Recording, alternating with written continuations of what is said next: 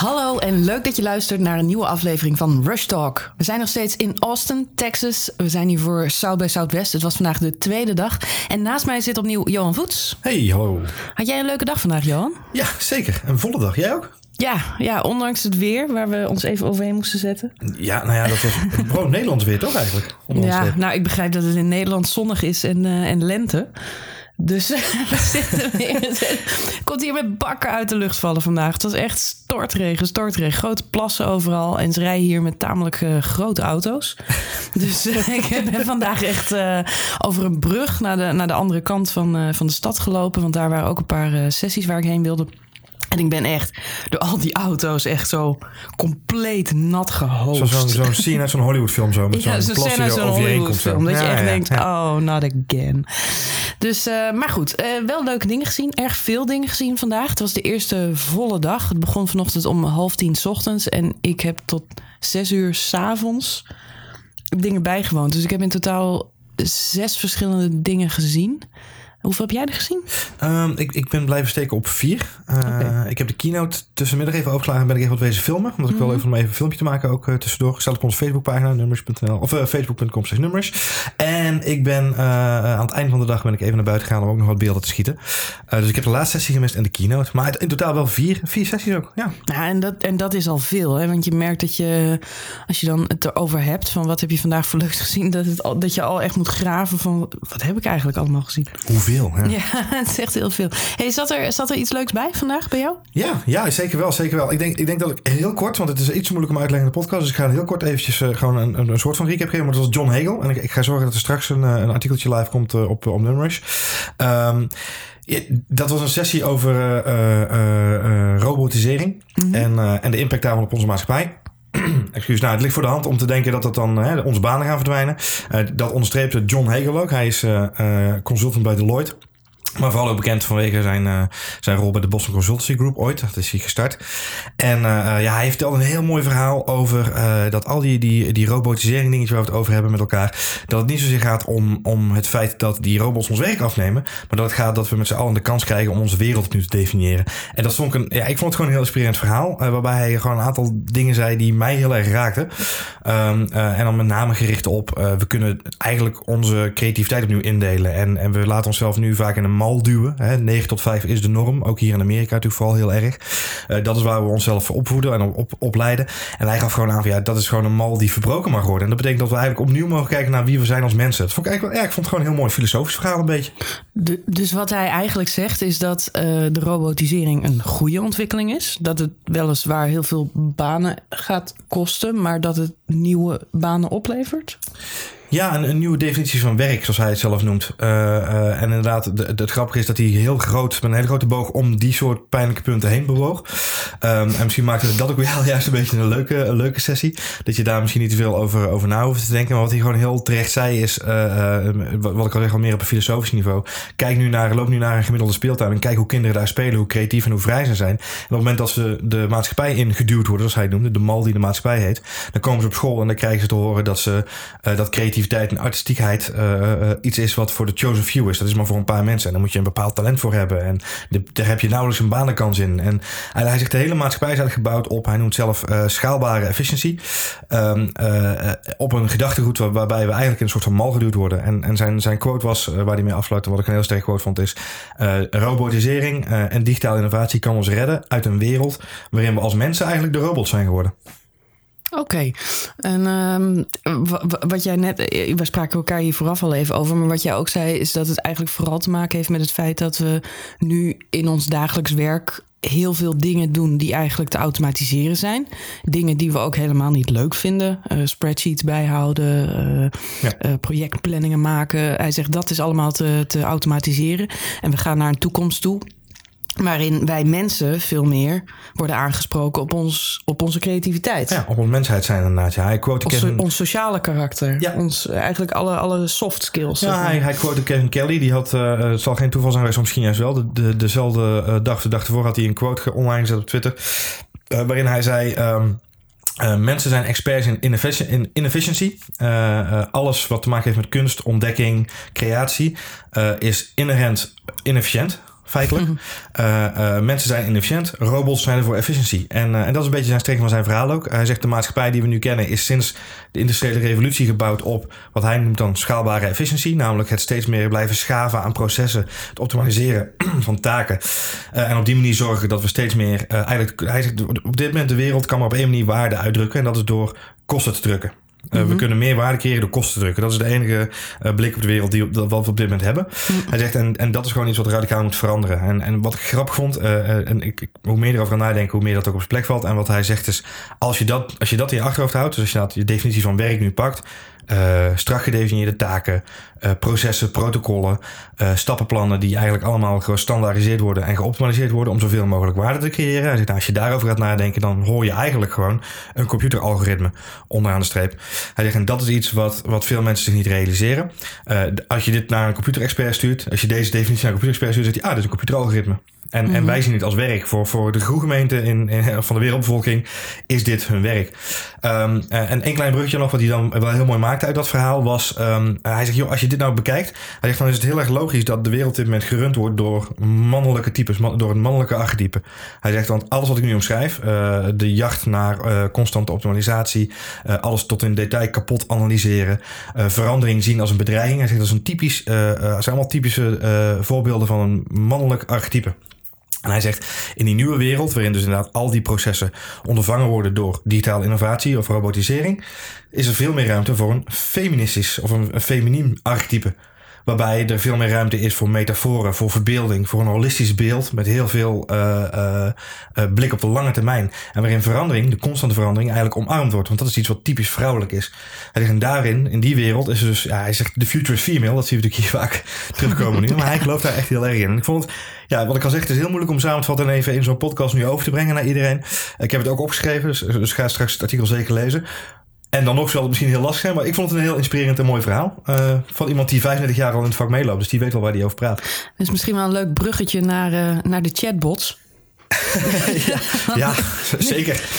Toch over robotisering hebben. Um, er zijn ontzettend veel sessies hier over chatbots. Even vooraf gezegd, ik denk dat er elke dag wel twee of drie uh, bijeenkomsten zijn waarin um, het zij artificial intelligence in interfaces of, of gewoon plat gezegd chatbots. Uh, centraal staan. Ik zat vanochtend in een sessie die ging daar onder andere over. Dat waren twee mensen van Kik. Kik is een heel grote messenger-app, soort WhatsApp. Eh, hier in Amerika heel populair onder tieners met name. En uh, zij hebben even wat best practices op een rijtje gezet ter lering en de vermaak. Heb ik ook een stukje over geschreven. Kun je lezen op uh, Numrush. Um, als je daarin geïnteresseerd bent. Ik zal heel kort even resumeren. Want uh, wat zij eigenlijk zeiden is. Um, wat, ik echt een, een, een insight vond. Ze zegt. We krijgen heel vaak de vraag: komt er nou één ultieme chatbot? Komt er één um, uh, Jarvis, zeg maar. to, to rule them all, zeg maar. In Samantha uit Her, ja. Precies. En zij zeggen eigenlijk dat zal niet het geval zijn. Want eh, de kracht van chatbots is juist dat ze super simpel zijn. En juist als een chatbot maar één taak heeft, één functionaliteit, is het sterk in als een eenvoud. En uh, daar gingen de voorbeelden uh, ook vaak over. Uh, ze hadden zelf een voorbeeldje van een boterkaas en eieren app. Ehm, waarbij ze zeggen, ja, hier, niemand gaat een boterkaas en eieren spelletje als app downloaden. Um, maar een bot waarmee je kunt interacteren, waarmee je even snel dat spelletje kunt spelen terwijl je even zit te wachten. Um, dat doen mensen dan weer wel, want die bot, deze specifieke bot, heeft 1 miljoen gebruikers. dus, uh, dus ja, goed. Only in America, denk ik soms wel eens. Maar uh, dat werkt dus wel. wat ik zelf een leuker voorbeeld vond, is. Um, ze hebben sowieso ze hebben een hele botstore. Dus uh, kijk even naar mijn artikel op Numrush. Onderaan staat een linkje naar de botstore van uh, Kik. En dan kun je, net als in de iTunes Store, kun je grasduinen in wat voor botjes er allemaal gemaakt zijn. Door henzelf, maar vaak ook door de community. Want het is open source. Iedereen kan botjes ontwikkelen. Um, en daar zit van alles tussen. En dat geeft je ontzettend veel inspiratie als je zelf uh, hiermee bezig bent. En denkt, goh, ik wil me daar ook eens in verdiepen. Wat trouwens ook wel steeds boven komt drijven, is dat het, dat het enorm simpel is om met botjes te beginnen. Ik weet dat jij de laatste ook al een keer mee geëxperimenteerd hebt met een mhm. Facebook Messenger bot. Ja. Um, dus dit is echt wel iets, uh, zelfs voor mensen die niet heel technisch zijn aangelegd of veel developer skills hebben, ja. om, uh, om, om, om zich in te verdiepen. Maar het voorbeeld wat ik, wat ik zelf erg leuk vond, was een storytelling bot. Uh, Romance Now heet dat. En um, ja, die bot die, die gaat een dialoog met je aan en sleep je eigenlijk mee in een soort romcom, in een romantische komedie. Middel storytelling, waarin je zelf dus een hoofdpersonage kunt spelen, of waarin je zelf gewoon vanaf de zijlijn toekijkt. Nou, dat vond ik zelf een heel creatief uh, concept voor mensen die misschien geen vrienden hebben of, of s'nachts wakker liggen en iedereen, terwijl iedereen ligt te slapen en ze hebben behoefte aan, uh, aan een verhaal. Ja, dan is het toch heel bijzonder dat je met een, met een chatbot um, oh. ja, een soort van boek eigenlijk interactief ja. kunt beleven. Dat was het idee daarachter. Uh, en een ander heel goed voorbeeld, ja, twee goede voorbeelden in de, in de nieuwsbusiness, die zijn natuurlijk gaven, was enerzijds CNN. Uh, CNN heeft een Facebook Messenger bot. Uh, kun je je gewoon op abonneren. Ik zou zeggen, zoek het eens op. En wat die doet, is elke dag uh, jou het belangrijkste nieuws geven. Dus je kunt vragen stellen: Hey CNN, what's important? Over bepaalde onderwerpen. Krijg je dat terug. De Facebook bot die is echt gericht op het oudere publiek is trouwens altijd erg leuk om te horen hier in uh, South by Southwest. Dat Facebook door de bank genomen uh, een platform is voor oudere mensen, zoals wij, mensen boven de 30. Hmm. Um, en uh, daarnaast heeft CNN een chatbot ontwikkeld voor Kik. Waar dus, zoals gezegd, de pubers uh, in Amerika met name op zitten. En die heeft een uh, hele andere functionaliteiten. Uh, omdat zij zich realiseren dat tieners van zichzelf niet geïnteresseerd zijn in het nieuws. Dus dat moet je aantrekkelijk maken, dat moet je luchtig maken. Daar heb je veel meer een rol om nieuws te duiden, om dingen uit te leggen. mensen die voor het eerst mochten stemmen in Amerika, die wisten vaak nog niet eens hoe dat werkte, hoe de verkiezingen werkten. Dus die interface die heeft veel meer een, een uitlegfunctionaliteit. En daarnaast veel meer toegevoegde waarde, bijvoorbeeld in een groep. Dus zit je met, met vrienden, dan kun je CNN om input vragen en om, uh, om, om nieuws wat voor die jongeren relevant is eh, te bespreken met je vrienden. En daar bijvoorbeeld weer uh, stickers aan te koppelen. Er wordt veel meer gebruik gemaakt van gifjes om het allemaal luchtig te maken. Um, met andere woorden, het is dus ook heel belangrijk als je chatbots gaat ontwikkelen, dat je per platform een andere doelgroep gaat zoeken. Ja, dat is ook wel een beetje mijn probleem. Want die, die CNN-bot die, uh, die jij omschrijft, die, die had ik eigenlijk vrij snel ook gewoon nagemaakt voor nummers en voor Frans. uh, Waar is die dan, Johan Voets? mensen willen dat nu hebben. Hè? In my secret cave. Ja, ja. mensen willen dat nu hebben. In de, in de, in de Batcave. Nou ja, Go het, launch. Ja, ja dat, zou, dat, dat is, zou je dat wel denken. Er zit natuurlijk wel, het is eigenlijk een soort van boomdiagram hè, wat je tekent. En ja. er zitten nog wel net wat meer takjes aan dan die, dan die ik nu heb. Mm -hmm. Alleen je merkt wel dat die Facebook Messenger app natuurlijk heel erg gestandaardiseerd is. Dus daar kun je heel snel kun je eigenlijk al meters maken. En uh, daarom was ook mijn, mijn, mijn primaire vraag was inderdaad, die, die botstore die jij omschrijft, dat is echt voor kick, begrijp ik. Uh, ja, die botstore, deze botstore is voor kick, ja, waar ze ja, het okay. over hebben. Maar de bots die zij noemen, uh, CNN en de andere nieuwsapp die zij noemden was Quartz uiteraard. Ja, ja. Quartz is een QZ van de site, is een standalone app, echt, maar met een chat interface. Ja, zeker een aanrader als je die app niet kent. Zoek hem even op, het is gewoon heel innovatief. Het, het is sowieso, kijk, uh, dat vind ik leuk om heel even, even op, op in te Ik vind Quartz vind ik een te gekke app. Het is ook mijn favoriete app op dit moment om gewoon drie keer per dag even het nieuws te checken. Want hij geeft in principe drie keer per dag een, een, een update. Ja, in vijf maar, minuutjes. Het, maar het is geen chat app. Nee, het is nee, eigenlijk absoluut. een multiple choice game. Ja, klopt. en dat geldt een beetje voor die chatbot van CNN, of, of zoals ik hem nu ook voor ja. nummers en fans heb, heb gemaakt. Dus je, je kiest natuurlijk wel een aantal dingen. Je kunt je abonneren op bepaalde diensten in die, in die Facebook Messenger app. Bij Quartz is het niet eens dat. Dan krijg je gewoon ja. nieuwsfeed die de redactie van Quartz uh, voor je brengt. Wat ik het toffe daaraan vind, is dat je nieuws krijgt, niet alleen van Quartz, maar ook van andere nieuwsmedia die belangrijk is. Dat maakt het ook zo'n mooie app, vind ik. Um, maar mijn, mijn grootste probleem op dit moment, als ik, ik ben natuurlijk heel even ingedoken in die mooie wondere wereld, omdat ik het heel graag wil weten hoe het nou, uh, hoe het nou zit. Dan heb je inderdaad Facebook Messenger is heel erg gericht op, op, op ja, een oude publiek, maar is ook helemaal gestandardiseerd binnen Facebook, multiple choice. Dan heb je WhatsApp, daar kun je nog helemaal niks mee. Mm-hmm. Voor Telegram kun je al wel wat dingetjes, ja. uh, links en rechts. Uh, maar het, maar het wie is, gebruikt nou Telegram? ja, dat zijn er meer dan je denkt op dit moment, denk okay. ik. Ik denk naarmate, naarmate er meer lekker naar buiten komen. Eenzaam op dat platform. Ja, iedereen gaat naar Signal over uiteindelijk. Um, wat, wat, ik, wat mijn frustratie op dit moment is, en dat geldt eigenlijk voor alle die, die plaatsvindt binnen ons digitale spectrum, elke keer als we het hierover hebben, is dat het nu zo verschrikkelijk versplinterd is, dat het heel moeilijk is om eh, eh, iets neer te zetten. En ehm, ehm, ja, dat weet je, er moet gewoon even nog een, een ik zou mij niet nog Ja, een chatstandaard komen. Ja, nou, het staat in de kinderschoenen. En dat zie je ook wel in deze sessie. Ik bedoel, kom op, een spelletje met boterkaas en eieren als eh, showcase example van de toekomst van chatbots.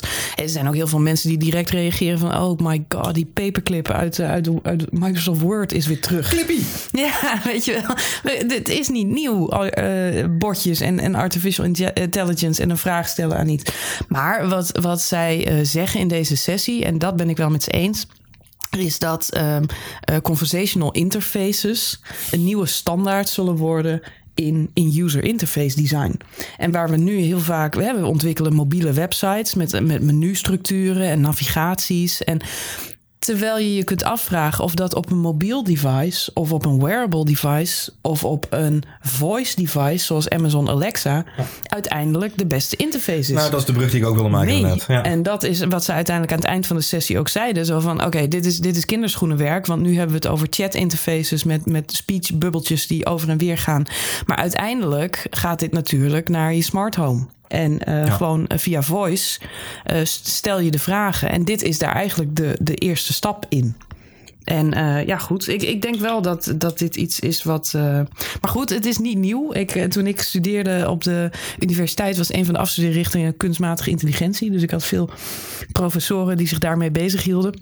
Dat is inmiddels, eh, nou, ik denk twaalf jaar geleden of zo. Dus eh, ik, ik weet hoe ontzettend veel moeilijkheden er zijn in, in, in dat vlak om, eh, om dit echt heel intelligent te Ja, krijgen. dan, ma- dan En, maken we al wel een enorme sprong natuurlijk tegenwoordig. En eh, ik, denk, ik denk inderdaad dat voice wel de volgende stap zal gaan zijn. Want ik Mhm. denk dat, dat dit een bruggetje is tussen, tussen twee niveaus in. Ehm, eh, ja, ik vind het gewoon heel fascinerend om te volgen. En het zijn ook echt die tracks hier op Cyber Zuidwest dit jaar die heel veel aandacht krijgen. Eh, de AI, de, de Artificial Intelligence tracks en, en de chat, chat tracks, zeg maar, waar dit soort dingen besproken worden.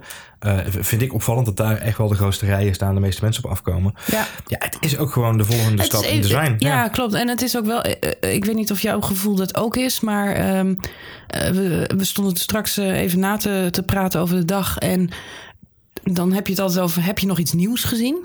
Hm. En toen moest ik echt graven dat ik dacht: van ja, nieuw, nieuw. Ehm, het is, ja, dit is denk ik op Cyber Zo West ook wel een beetje het jaar dat ehm, nou ja, de wearables definitief niet meer echt centraal staan. Niemand heeft het daar meer Nee. over. Nee, goed. Er zijn Ja. nog één of twee sessies waar we het daar wel over hebben. Ik moet zeggen dat het smart home ook best wel missing in action is. Ja. Opmerkelijk genoeg, want dat zit juist heel erg in de lift, vind ik Hmm. op dit moment. Ondanks dat het ook nog heel erg in de kinderschoenen staat. Ehm, de zelfrijdende auto, daar zijn wel veel dingen over te zien. Daar heb jij volgens mij nog iets over gezien vandaag, toch? Ja, klopt inderdaad. Ja. Ja, grappig. Ik, ik, ik ga er wel even vertellen. Ik, wil- ik wil er bijna even inhaken op je verhaal nu, want ik vind het wel fascinerend inderdaad.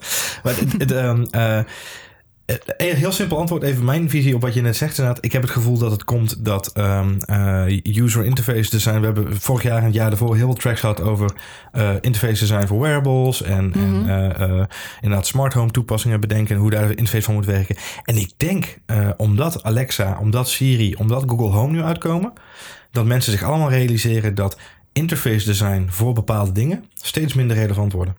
Eh, eh, dus inderdaad een interface design voor een, een, een tablet wat aan je muur hangt om je smart home te bedienen, wordt minder relevant omdat er gewoon een Alexa is of een Siri of een Google Home Ja. die naar je luistert en waar je tegen zegt, hey doe de lamp aan, weet je. We, Ja. ja. wij doen het nu zelf thuis ook. Eh, met, met wisselend succes nog, want Siri haar Nederlands is nog niet zoals het hoort te zijn. Nee. Of mijn Brabant is gewoon net iets beter dan haar Brabants. Ehm, maar dat is, dat is gewoon een, een, een, een typische ontwikkeling, denk ik. Nee, zelfrijdende auto's, om je brugje niet te negeren. Eh, eh, ik was vandaag bij, eh, bij dokter Dieter Setsen. Dat is eh Dieter Setsen. het klinkt gezellig. De man die heeft een huisdier op zijn, op zijn bovenlip. Daar word je echt akelig van. Dat is echt de mooiste snor die ik in jaren heb gezien. Check even die foto op nummer. Je hebt een stuk over geschreven, toch? Over, de, over zijn snor, ja. Ja, over zijn snor, ja. Ik, vind, ja ik, vind, ik vond het wel innovatief, maar om er nou gelijk een stuk over te schrijven, vond ik ook een beetje overdreven mooi naar Kamphuis. Ehm nee, wat, eh, wat, wat dokter, eh, dokter Dieter Setsen eh, kwam doen, is hij is de, de directeur van, van, van Mercedes, van Daimler moet ik zeggen. Hij zit daar- Daimler. Da- Daimler, ja, Daimler hier in Amerika natuurlijk. Ehm, en, maar laten we het op zijn Duits doen. Daimler. Daimler. Uh, het moederbedrijf van Mercedes, onderaan de streep. Um, mm-hmm. en, en, dus we zien uh, hem vaker voorbij komen de laatste tijd als het gaat om die zelfrijdende auto van Mercedes. En die zelfrijdende bus en die zelfrijdende truck. Want Mercedes heeft nogal wat zelfrijdende voertuigen op de weg. Wat hij vandaag eigenlijk kwam vertellen was een, een, een verhaaltje rondom het belang van de uh, navigatiekaart, van de kaart. En dat was wel heel erg grappig. Hij kwam het podium op met een... met een daadwerkelijk grote landkaart. Oh, oké. Okay. Jij dacht met zijn snor of zo? Nee, nee, nee. nee. Ik denk, het, gewoon, het klinkt heel innovatief. Het belang, het belang van de navigatie in een auto. Ja. Ik kan onderstrepen, dames en heren, het belang van navigatie in een auto is erg groot. Zeker in mijn geval. Ik kom nergens zonder navigatie in een auto. Zelfs met navigatie heb je zoveel Ik vind dit wel de grootste epiphany of zo. Zo is tot nu toe. Het belang van navigatie in een auto en ook het belang van het volgen van de navigatie, Marjolein. Dat is heel belangrijk. is, uh, niet negeren. Nee. Um, het is net een bijrijder, zei dokter Dieter Zetsen nog vandaag. Toen dacht, ja, je een punt. Je negeert mm -hmm. hem ook af en toe wel eens. Um, uh, ik dan in dit geval. Um, wat interessant was, hij kwam het podium op een hele grote kaart van, van Austin. Mm -hmm. En zei hij, voor mensen in deze zaal uh, uh, rond de 20 jaar. ja. dit is een kaart. En dit is wat, wat vroeger mensen gebruikten om van A naar B te rijden. En nou, zoals je ziet is het een heel handig formaat. Fantastisch. Hij zegt, en nou, het was een soort van spelelement in de auto vroeger voor mensen. En de bijrijder had er altijd heel veel moeite mee om er iets mee te doen. En de bestuurder negeerde meestal de aanwijzingen van de bijrijder tot frustratie onderling. Hij zegt, en daarna moest je hem ook weer in elkaar vouwen. Nou, dat ging je ook proberen en dat mislukte ook valikant. dus hij maakte er een soort bal van, die gooide die de zaal in. Van, bekijk het maar. Uh, hij zegt, dit is natuurlijk passé, dit is oude technologie. Hij zegt, en, uh, maar tegelijkertijd is dit een heel belangrijk element. Hij zegt, niemand hier in de zaal uh, zal uh, onderkennen dat een, een kaart heel belangrijk is om te kunnen navigeren. Hij zei ook, oké, misschien behalve de Amerikanen, want heel het continent is überhaupt ontdekt omdat er geen navigatie aanwezig was op die boot. dus zo hebben ze Amerika ontdekt. Dus de Amerikanen zullen er misschien anders over denken. Maar door de bak genomen is navigeren heel belangrijk. Nou, dat was natuurlijk een beetje de, de, de grappige opening van zijn verhaal. En wat is nou onderaan de streep even de crux? Mercedes heeft, of Daimler heeft samen met Audi en BMW, hebben zij 2015 hebben ze de Heer overgenomen. Dat is de kaartendienst die in bezit was van Nokia. Mm-hmm. Um, tot, tot grote verbazing van veel mensen. Uh, in die strijd waren ook, ik moest nog even graven, maar in die strijd waren ook uh, op dat moment Uber, Facebook en Apple verwikkeld om die kaarten te kopen van, uh, van Nokia. Um, uiteindelijk heeft, heeft dit consortium er 2,8 miljard dollar voor betaald. En iedereen had zoiets van, wat gaan ze dan doen? Gaan ze eigen navigatiesystemen bouwen in Mercedes en Audi's? Want weet je, ze kunnen het gewoon kaarten gebruiken van TomTom of van, van Google. Um, nou goed, wat is het verhaal? Uh, amper een jaar later uh, lanceerde Mercedes al een auto met daarin een, een scanner. Uh, om dus kaarten 3D te gaan visualiseren. En hij kwam eigenlijk even een update geven over het feit dat Mercedes en, en, en het consortium van automerken samen met Heer nu bezig zijn om de hele wereld in 3D in kaart te brengen. En, en het belang daarvan, of de reden daarvan, is het feit dat zelfrijdende auto's hebben een 3D-navigatie nodig. Hij zegt, één ding is het allerbelangrijkste in de hele wereld. Als we zelfrijdende auto's veilig op de weg willen hebben, is dat ze het juiste kaarten hebben. Mm-hmm. Als ook maar iets niet klopt in die kaart, hebben we gewoon een potentieel risico te pakken. Mm-hmm. Nou, hij liet wat voorbeelden zien. Ze liet, liet ook wat scans zien. Nou, ik was echt onder de indruk van wat ze scannen bij Mercedes. Gewoon echt een gebouw wat gewoon helemaal gedetailleerd in kaart wordt gebracht. Met punten als erop en eraan. Tegelijkertijd qua hashtag privacy een beetje angstkend ook alweer een soort van. Um, uh, maar goed, wat hij dus eigenlijk vertelde is... Uh, we zijn nu gewoon bezig om elke dag uh, rond te rijden met auto's om, om dit in kaart te brengen. En in totaal verzamelen we zo'n 7 petabyte aan kaartdata per uur. en hij zegt, ja, de dus volgende uitdaging is dus om al die kaarten via een netwerk van auto's naar elkaar door te sturen. Dat als jij met je auto vanuit Austin naar Dallas rijdt, dat je wel de juiste kaart hebt op dat moment. Hm. Um, en ja, hij zegt, dat is gewoon een fascinerende uitdaging waar we mee zitten. Nou, het klinkt allemaal heel droog. Uh, wat, klinkt logisch. Klinkt allemaal nog heel erg logisch natuurlijk. Ja, hij, zegt, hij zegt even heel simpel. Hij zegt een 3D-kaart van een stad doorsturen van de ene auto naar de andere. Mm-hmm. Dat doe je niet even makkelijk over een 2G of een 3G-verbindingje. Dus er moet ook nog eens even nagedacht worden over welke soorten type verbindingen we nodig hebben. Hoeveel data er over de lijn moet. Hoe kunnen we dat beveiligen. Dat het niet door andere mensen op ingebroken wordt. Um, wat de strekking van zijn verhaal was, uh, onderaan de streep, uh, was het feit dat er gewoon nog een heleboel uh, uh, stappen gemaakt zullen moeten worden. Mm. voordat we echt een volledig veilig zelfrijdende auto hebben. Mm. En dat vond ik wel heel. Ja, echt, ik werd blij om te horen. Ik zou zeggen, tot die tijd. Pak je ANWB-kaart. ga naar het ANWB-kantoor. Daar krijg je gratis routekaarten. Met je ANWB-pas. En geef je kinderen een routekaart achter in de auto als je op vakantie gaat. En leer ze kaart lezen. Sowieso, altijd. Ja. Als je het over soft skills hebt, ik vind het leuk hoor dat we al ons vertrouwen op dit moment in technologie plaatsen. Maar uh, laten, we, laten we af en toe ons best doen om ook uh, zelf de wereld nog steeds om ons heen te leren begrijpen. eens, eens. Wat, je, weet uh, maar nooit, je weet maar nooit mensen wanneer het weer nodig is. nou, wat leuk is, is dat een aantal mensen uit de zaal ook wel aan vroegen van... hey joh, waarom heb je nou 2,8 miljard dollar betaald voor een bedrijf... als je ook gewoon Google uh, Waze had kunnen gebruiken om... weet je, ga gewoon lekker navigeren met Google. Google heeft het toch al. wat hij terecht aangaf is, weet je, ehm, wij zijn Mercedes en we zijn Audi en we zijn BMW. We hebben een klantenbasis van vorig jaar 7 miljoen voertuigen verkocht wereldwijd. hij zegt, of sorry, Amerika. Hij zegt, dat betekent dat we gewoon onderaan de streep uh, uh, een soort van verwachting bij onze klanten inleggen. Zij verwachten dat wij het beste van het beste leveren. Mm-hmm. En als het moment dat het gaat om zelfrijdende auto's, uh, met deze kaarten, dat moet het beste van het beste zijn. En de enige mm. manier waarop wij controle kunnen houden op dat het het beste van het beste is, is als we zelf het touwtje in handen hebben. Mm. En dat is de reden waarom we dit hebben gedaan. En we hadden net heel even over de standaard voor chatbots. In dit geval kwam ook gelijk een vraag achteraan. Iemand zei: Ja, maar luister eens even. Jullie een kaartensysteem. En Apple is bezig met een kaartensysteem. En Uber is bezig met een kaartensysteem. TomTom, uh, samen met Apple in dit geval, bezig met. Maar jongens, weet je, wat gaan we hiermee doen? Want als dadelijk andere, als, als Google met zijn zelfrijdende auto de weg op gaat. en ze gebruiken Google Maps. en die zijn net iets anders ingedeeld dan de auto's van Mercedes. en ze knallen boven elkaar, hebben ook een probleem. en dat was een leuke insight. Toen vertelde de, de, de directeur van, van, van Heer, dus van de kaartenbedrijf, zei van ja, maar we zijn op dit moment gewoon bezig met het creëren van een open standaard. Zodat we onderling met elkaar, ook via, uh, het web, informatie met elkaar kunnen uitwisselen. En kunnen zorgen dat elkaars kaarten wel op elkaar aansluiten. Een soort open protocol. Nou, dat, dat vond ik dan toch wel weer prettig om te horen. Nou, mooie ontwikkelingen.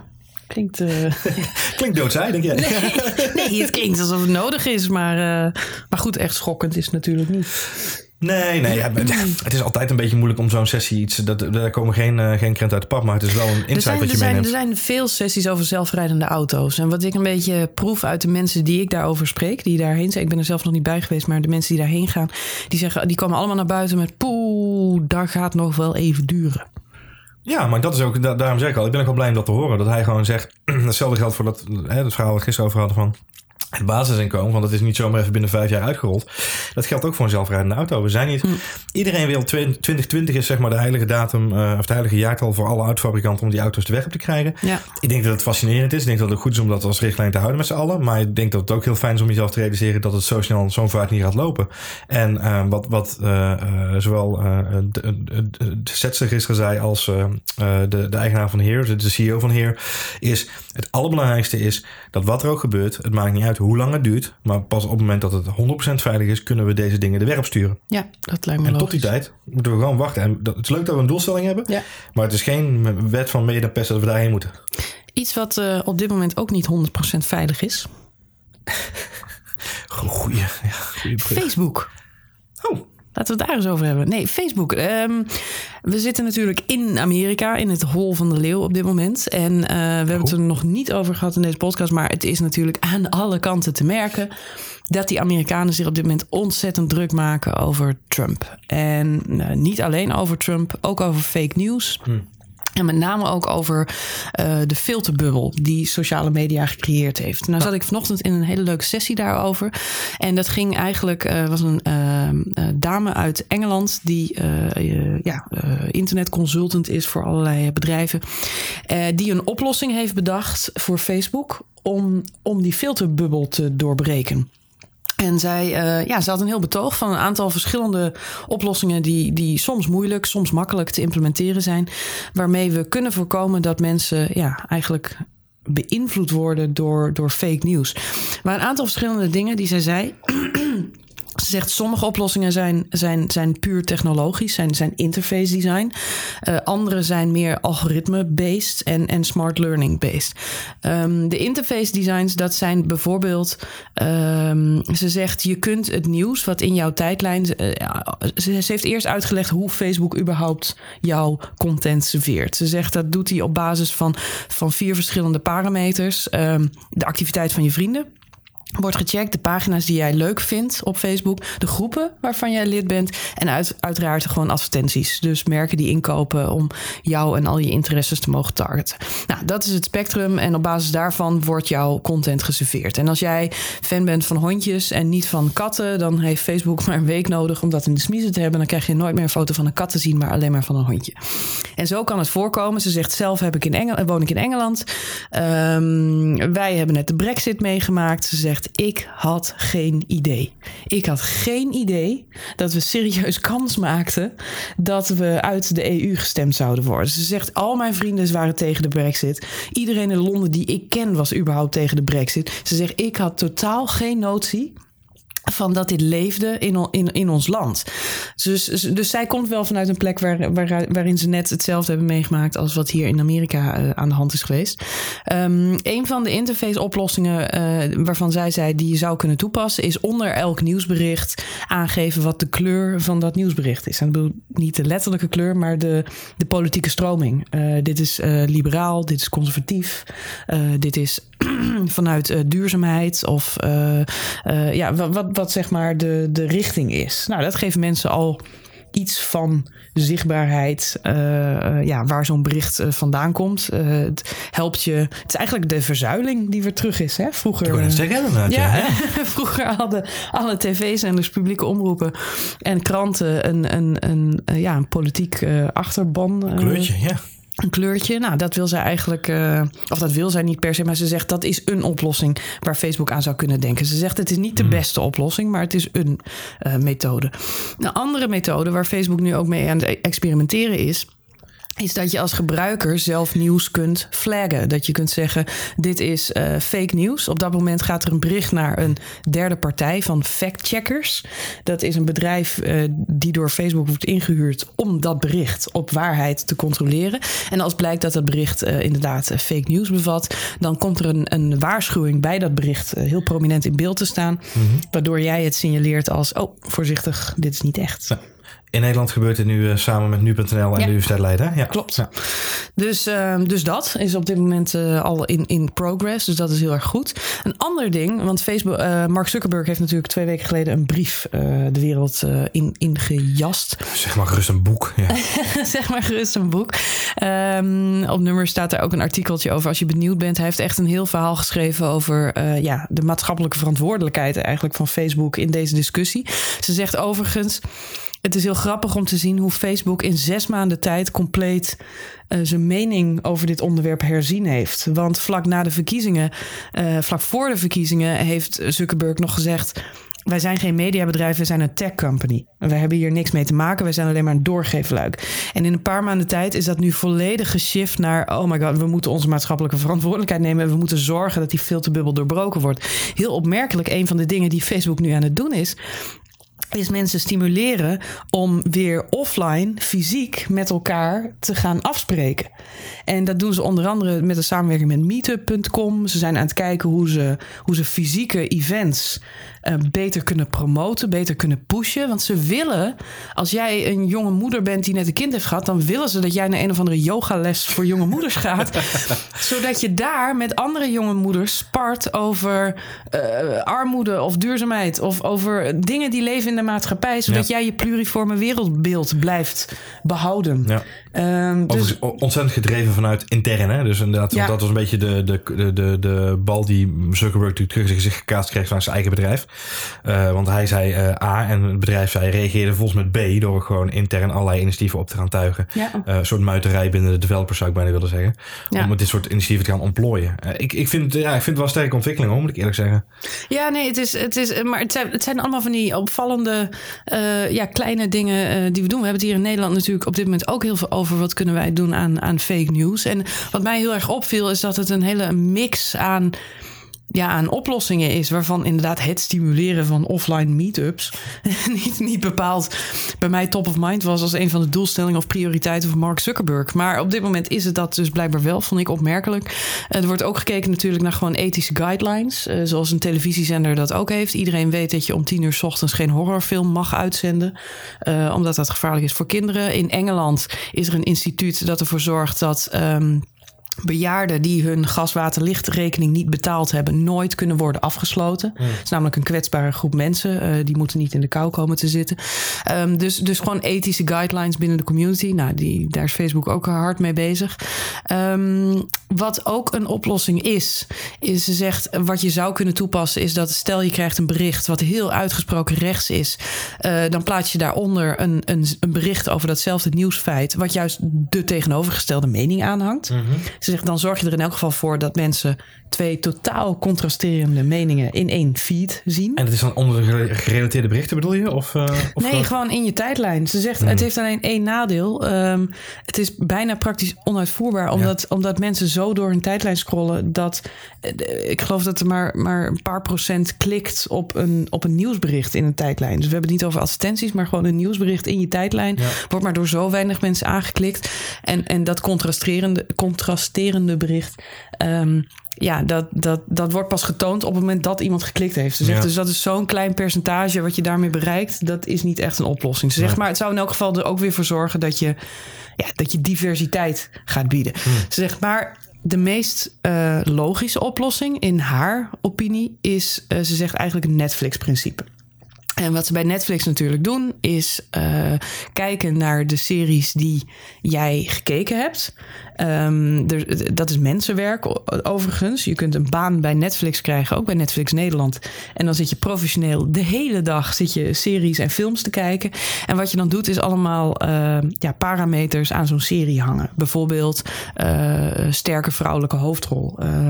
er zitten honden in deze serie. het kleurgebruik is overwegend rood en geel. Um, allerlei van dat soort connotaties worden aan een serie gehangen. En dat zorgt ervoor dat als jij uh, Star Wars hebt gekeken op uh, Netflix um, en je hebt nog niet uh, bijvoorbeeld Narcos gekeken, maar dat zijn wel allebei films of series met een sterk, sterk hoofdpersonage, dan is daar dus overeenkomst in. een andere persoon die ook Star Wars heeft gekeken, heeft ook Narcos gekeken. Met andere woorden, jij bent mogelijkerwijs ook geïnteresseerd in Narcos. En zo krijg je het geserveerd. Dat is echt heel grappig. Ik zat gisteren bij een sessie van Netflix. En over Narcos? nou ja, over, niet alleen over Narcos, okay. maar inderdaad over dit soort, dit soort praktijken. Ja. En, en uh, de designer daar, en ik ga even zijn naam niet uitspreken, want het is een Griekse naam. En het is, uh, het, ik, ik stotter er al snel overheen. Uh, maar hij, hij liet een clip zien van Chelsea Handler, die natuurlijk een talkshow heeft op, op Netflix. En zij was natuurlijk een dagje op hoofdkantoor in Netflix. Even je nog kan herinneren, dat fragment. Ja, ja, ja, En dat fragment zegt ze op een gegeven moment tegen een van de engineers. Zei ze, sorry, maar ik heb een vraag.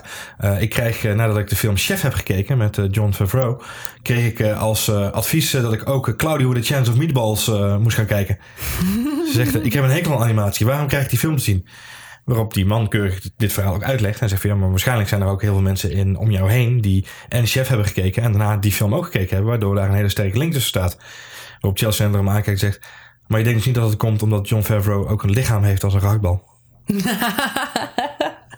dat, ja, dat zou nog een stukje metadata zijn die zeg maar nog zou kunnen ontbreken. Nee, maar zij gaf uh, deze Claire, uh, Claire Woodcock heette deze dame. Die zei wel, ze zegt nou ik ben een hondenmens en met name kleine pups die verkleed zijn in, in, in kleding. Ja, dat was haar ding. um, Sorry. ik kan er nog dit was, gewoon, dit was gewoon water, mensen. Goed, ja? Um, ze zeggen, ik hou niet van katten. Maar op basis van dit algoritme zou je kunnen bepalen... dat omdat ik van in elkaar gepropte kleine dikke hondjes hou... die kleding aan Is dit?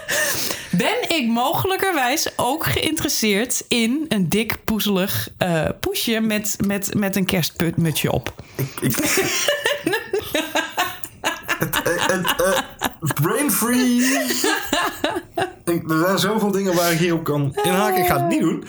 Hey, de, de, de metaforen die mensen hier kiezen om hun verhaal uh, over de bühne te krijgen zijn af en toe. Uh... ik ben meer een mensenmens. Ik hou meer van, uh, ja. ik hou meer van mensen in leuke kleren. En, dus ik ben nu wel voor advies ik dan krijg op Facebook. Anyway, de, doorbreken van de filterbubbel. Het, is, het is een dingetje. Hey, um, over bubbels gesproken. Ja? Hebben we hem erop staan voor vandaag? Ja, ik wil nog één klein ding zeggen. is misschien wel leuk voor ja. de mensen die dat uh, interessant vinden. Ik zat als laatste vandaag uh, echt op mijn... Uh, tandvlees. Op mijn tandvlees, inderdaad. Nog bij een sessie van Joshua Topolsky. Die er ook uitziet alsof hij eigenlijk constant op tandvlees loopt. Die ja. er ook behoorlijk op tandvlees liep. Nee, Joshua Topolsky, bekende naam. Hij is een van de medeoprichters van The Verge. Was hij. Mm -hmm. Of in elk geval vanaf het begin af aan daarbij betrokken. Ja. En daarna is hij overgestapt naar Bloomberg. Hij is onder andere verantwoordelijk voor uh, ja, het mega uh, innovatieve uh, rock and roll design van Bloomberg. Bloomberg is natuurlijk een saaie business site. En onder zijn leiding kreeg die site een compleet redesign en ziet het er nu eh, ja, heel anders uit. Best opmerkelijk. Maar het is nu alweer een redesign van het redesign. Hè? Het is nu alweer ja, een redesign van het redesign. Maar hij zei zelf in zijn introductie eh, dat hij toch behoorlijk geslaagd was in het, eh, in het uppimpen uiteraard. van, eh, van Bloomberg. Ehm, mensen kennen hem ook wel als eh, presentator. Hij, hij zat ook bij The Verge, The Vergecast en eh, allerlei video-series die hij daar deed. Zij is een bekende naam in, eh, in tech, eh, tech, tech-blogland. Hij is een nieuw initiatief eh, gestart, ongeveer drie maanden geleden, die Outline. Mhm. Ehm, de Outline is een ja, een nieuwe nieuwssite met een compleet ander design dan wat je gewend bent van een nieuwssite. Eh check het even uit. Het is eh theoutline.com. En eh, in deze presentatie vertelde hij eigenlijk hoe zij te werk zijn gegaan. Hij had een introductie waarin hij liet zien... eigenlijk zijn nieuwsmedia in 100 jaar tijd amper veranderd. Als je naar de New York Times van 1900 keek... dan waren de letters met, met een alinea daaronder zwart op wit. Als je nu naar de website kijkt, dan is het nog steeds zwart op wit. Ja, het is pretty much the same. Ze zegt, het is eigenlijk, hij zegt, het is allemaal eh, eh, oude wijn in nieuwe zakken. Nieuwe wijn in oude zakken. Allebei. En ehm, Je bent toen een borrel, denk ik. Ja. ja, inderdaad. En ehm, hij zegt, wij zijn gaan kijken hoe kunnen we nou echt nieuws, dus compleet, compleet, compleet op andere wijze eh, van een interface eh, voorzien. Nou, je zult wel zien als je de site bekijkt, het is, het is kleurrijk, het is een beetje vreemd. Ehm, hij zegt wat ik heel belangrijk, ja, het is echt vreemd. Eh, hij zegt wat ik heel belangrijk vond is dat je, je moet geen nieuws willen maken voor, voor de hele mensheid. Hij zegt, en heel veel media businesses op dit moment zijn bezig met het bedienen van een miljoenen publiek. Zeg maar, dan krijg je generieke meuk. En, en, en ik wilde een site maken die juist voor een niche interessant is, maar die wel echt een dedicated fanbase heeft. En dat is dan ook voor adverteerders weer heel erg interessant. Hij had een, eh, een, een voorbeeld van een campagne met, met Cadillac. Waarin hij bijvoorbeeld geen. eh, hij sowieso heeft geen advertenties op zijn site. Maar in plaats daarvan, als je door een artikel zit te scrollen. En een artikel scrollen, dat doe je in een soort Snapchat-achtige interface. Hij noemt dat cardigals. Dus het zijn geen artikelen, maar het zijn een soort. Een card deck is het eigenlijk. En je swipet van rechts naar links door het verhaal. En halverwege dat artikel komt er ineens een soort. eh, ja, jaren negentig race-spelletje in beeld. Eh, denk Lotus op, eh, op de 486. Ehm, en dan kun je dus met, met een Cadillac kun je naar rechts en links swipen en dan kun je even racen. Hij zegt dat spelletje heeft een, heeft een gemiddelde engagement van 2,5 minuut. Ja. Dat is uitzonderlijk voor iets wat in feite een advertentie is. Hij zegt, en bij elk verhaal of bij elke advertentie kijken wij naar welke vorm is het het beste. Eh, het nieuwsbericht rond, rondom Elon Musk, dat hij graag naar, de, de- naar Mars wil. Ehm, dat heeft, daar hebben ze geen artikel over geschreven, daar hebben ze een game van gemaakt. Dus wederom een soort Super Mario-achtige interface waarbij je super, eh, Elon Musk moet proberen te laten landen op, de, op Mars. Hij zegt: spoiler alert, dat gaat niet lukken. dus, eh, nou ja, goed. Ehm, check it out. eh theoutline.com. eh nieuwe manier om, om, om nieuws weer te geven. Ehm, ik, vind het, ik vind het hoog over en, en dapper dat hij het probeert. Maar het is voor ons in elk geval inspirerend om te zien dat er, ja, dat er met de vorm van, van media nog volop geëxperimenteerd kan worden. Ik moet dus dus je, zien. je vertelde het verhaal van de Cadillac en toen moest ik een beetje denken aan dat dinosaurusje van Google. Ken, ken, Ja, je ja, ja, ja, track? ja, tuurlijk. Ja. En de, de interactie, voor de mensen die het niet kennen, bij deze, spoiler Ja. Maar daar komt hij aan. Als je geen internetverbinding hebt en je opent in Chrome een pagina, dan krijg je zo'n dinosaurus die zegt unable to load. Druk dan op de spatiebalk en je komt in een spelletje terecht. Nou, de meeste internetgeeks kennen hem intussen wel, hoop ik. Zo niet, go play. Ga nu op, eh, op, de, op, je, op je vliegtuigmodus en ga aan de slag. Ehm, maar de, de interactie met dat spel is echt enorm. De engineers van Google liggen echt in een deuk als, dat, als ze de cijfers weer terugkijken van hoeveel uren er per maand met dat dinosaurusje worden gespeeld. Dus dat is, ik, ik snap dat soort easter eggs wel. Ik snap dat soort spelletjes wel. En ik vind het echt een hele goede, eh, eh, een goede truc om inderdaad een adverteerder aan te koppelen. Vind ik echt, echt goed bedacht. ja, dus eh, leuk initiatief. Hey, eh, eh, morgen, eh, so sad, so sad, So sad. so sad. So sad. It's gonna be huge. Huge. Morgen, de, morgenochtend, eh, first things first. De hugely uh, important uh, ja, de hugely, sessie ga, van de New York Times. ja, de Failing New York Times. Ik ga morgen naar een sessie The Failing New York Times. Covering, covering POTUS. Ja. Covering POTUS. Ja, de, uh, wederom een sessie van de New York Times over ja, hoe zij omgaan met, met Trump. En gisteren hadden we natuurlijk al CNN en hoe zij daar tegenaan kijken. En ja. ik ben benieuwd hoe, hoe ze bij de New York Times dus surviven. So sad. Dus je merkt wel een enorme. Ja, het is hier natuurlijk echt anti-Trump land. Dus zo gauw het over free speech en uh, save the world gaat, ja. uh, begint elke zaal save luid... cheerleader. Ja. Save the cheerleader, save the world. Begint elke zaal luidkeels te, te, te schreeuwen en, uh, en te klappen, applaudisseren, applaudisseren. Um, maar je kunt wel merken, er is echt een fighting spirit hier. Iedereen, ja. uh, iedereen is uh, op, op, op de stoel gaan staan en, uh, en doet keihard zijn best. Dus, um, dus ik ben benieuwd naar deze bijeenkomst van de New York Times. Het zal ja. wel druk zijn. Ik ben ook benieuwd naar, want tegelijkertijd hebben we dus een New York Times over, over Trump. En, en later die dag komt Joe Biden natuurlijk ja, langs. Joe Biden inderdaad. Over de, de oude vice-president, over, zijn, over zijn nieuwe initiatief rondom kankerbestrijding. Ja, klopt inderdaad. En daar moet je morgenochtend al voor in de rij gaan staan met, met, om een polsbandje op te halen. Ja. En ik zou me niet verbazen als En- die gewoon de stad doorgaat, die rij. En ik, ik twijfel daarover, want op hetzelfde moment. Benioff en Weiss. Benioff en Weiss. Een echte fan weet wie dat zijn. Ehm, de makers van Game of Thrones. Ja. Samen met Sophie Turner en Macy Williams. Ja, In een panel over Game of Thrones Season 7. a girl has no Dus name. Ik denk dat ik bij Game of Thrones zit en niet bij Joe Biden. Ik denk- maar ik- ik, weet denk, het nooit. Ik denk, ik denk, maar dat is meer even mijn ervaring met vorig jaar president Obama, dat ik er ook voor kies om in ieder geval niet naar buiten toe te gaan. Want dat is echt gewoon, daar kun je over de koppen lopen. Nou, morgen kun je horen of we binnen zijn gekomen. Het Yes. zal weer druk zijn bij al deze sessies. Eh, morgen dan zijn we er weer. En dan vertellen we je graag wat we dan weer gezien hebben op eh South by Southwest. Dank voor het luisteren. Leuk dat jullie eh, deze uitzendingen allemaal volgen. Eh, je kunt ons ook volgen via Twitter. Eh, Johan, die is te volgen onder. Ed Johan Voets. En mij kun je vinden als Marjolein met een lange ei. En wil je meer weten over eh, ja, deze sessies die we net besproken hebben? Check dan ook even numrush.nl of vans.nl, waar we veel van deze sessies ook in een artikel hebben uitgewerkt. En ja, reageren mag via Twitter of Facebook. Graag. Facebook.com slash nummers. Ja, en eh, twitter.com slash numbers. En mocht je echt graag mee willen kijken, check dan zeker ook de Numbers Event Wall. sxsw2017.numbers.nl Superleuk, sociaal overzicht, foto's, eh, vermengd met onze, onze coverage hier in artikelen. Ja. Super cool. En eh, ik denk het leukste, de leukste manier om zo'n event vanaf afstand ook eh, mee te volgen. Kun je een beetje meekijken. Yay! Bedankt voor het luisteren en heel graag tot morgen.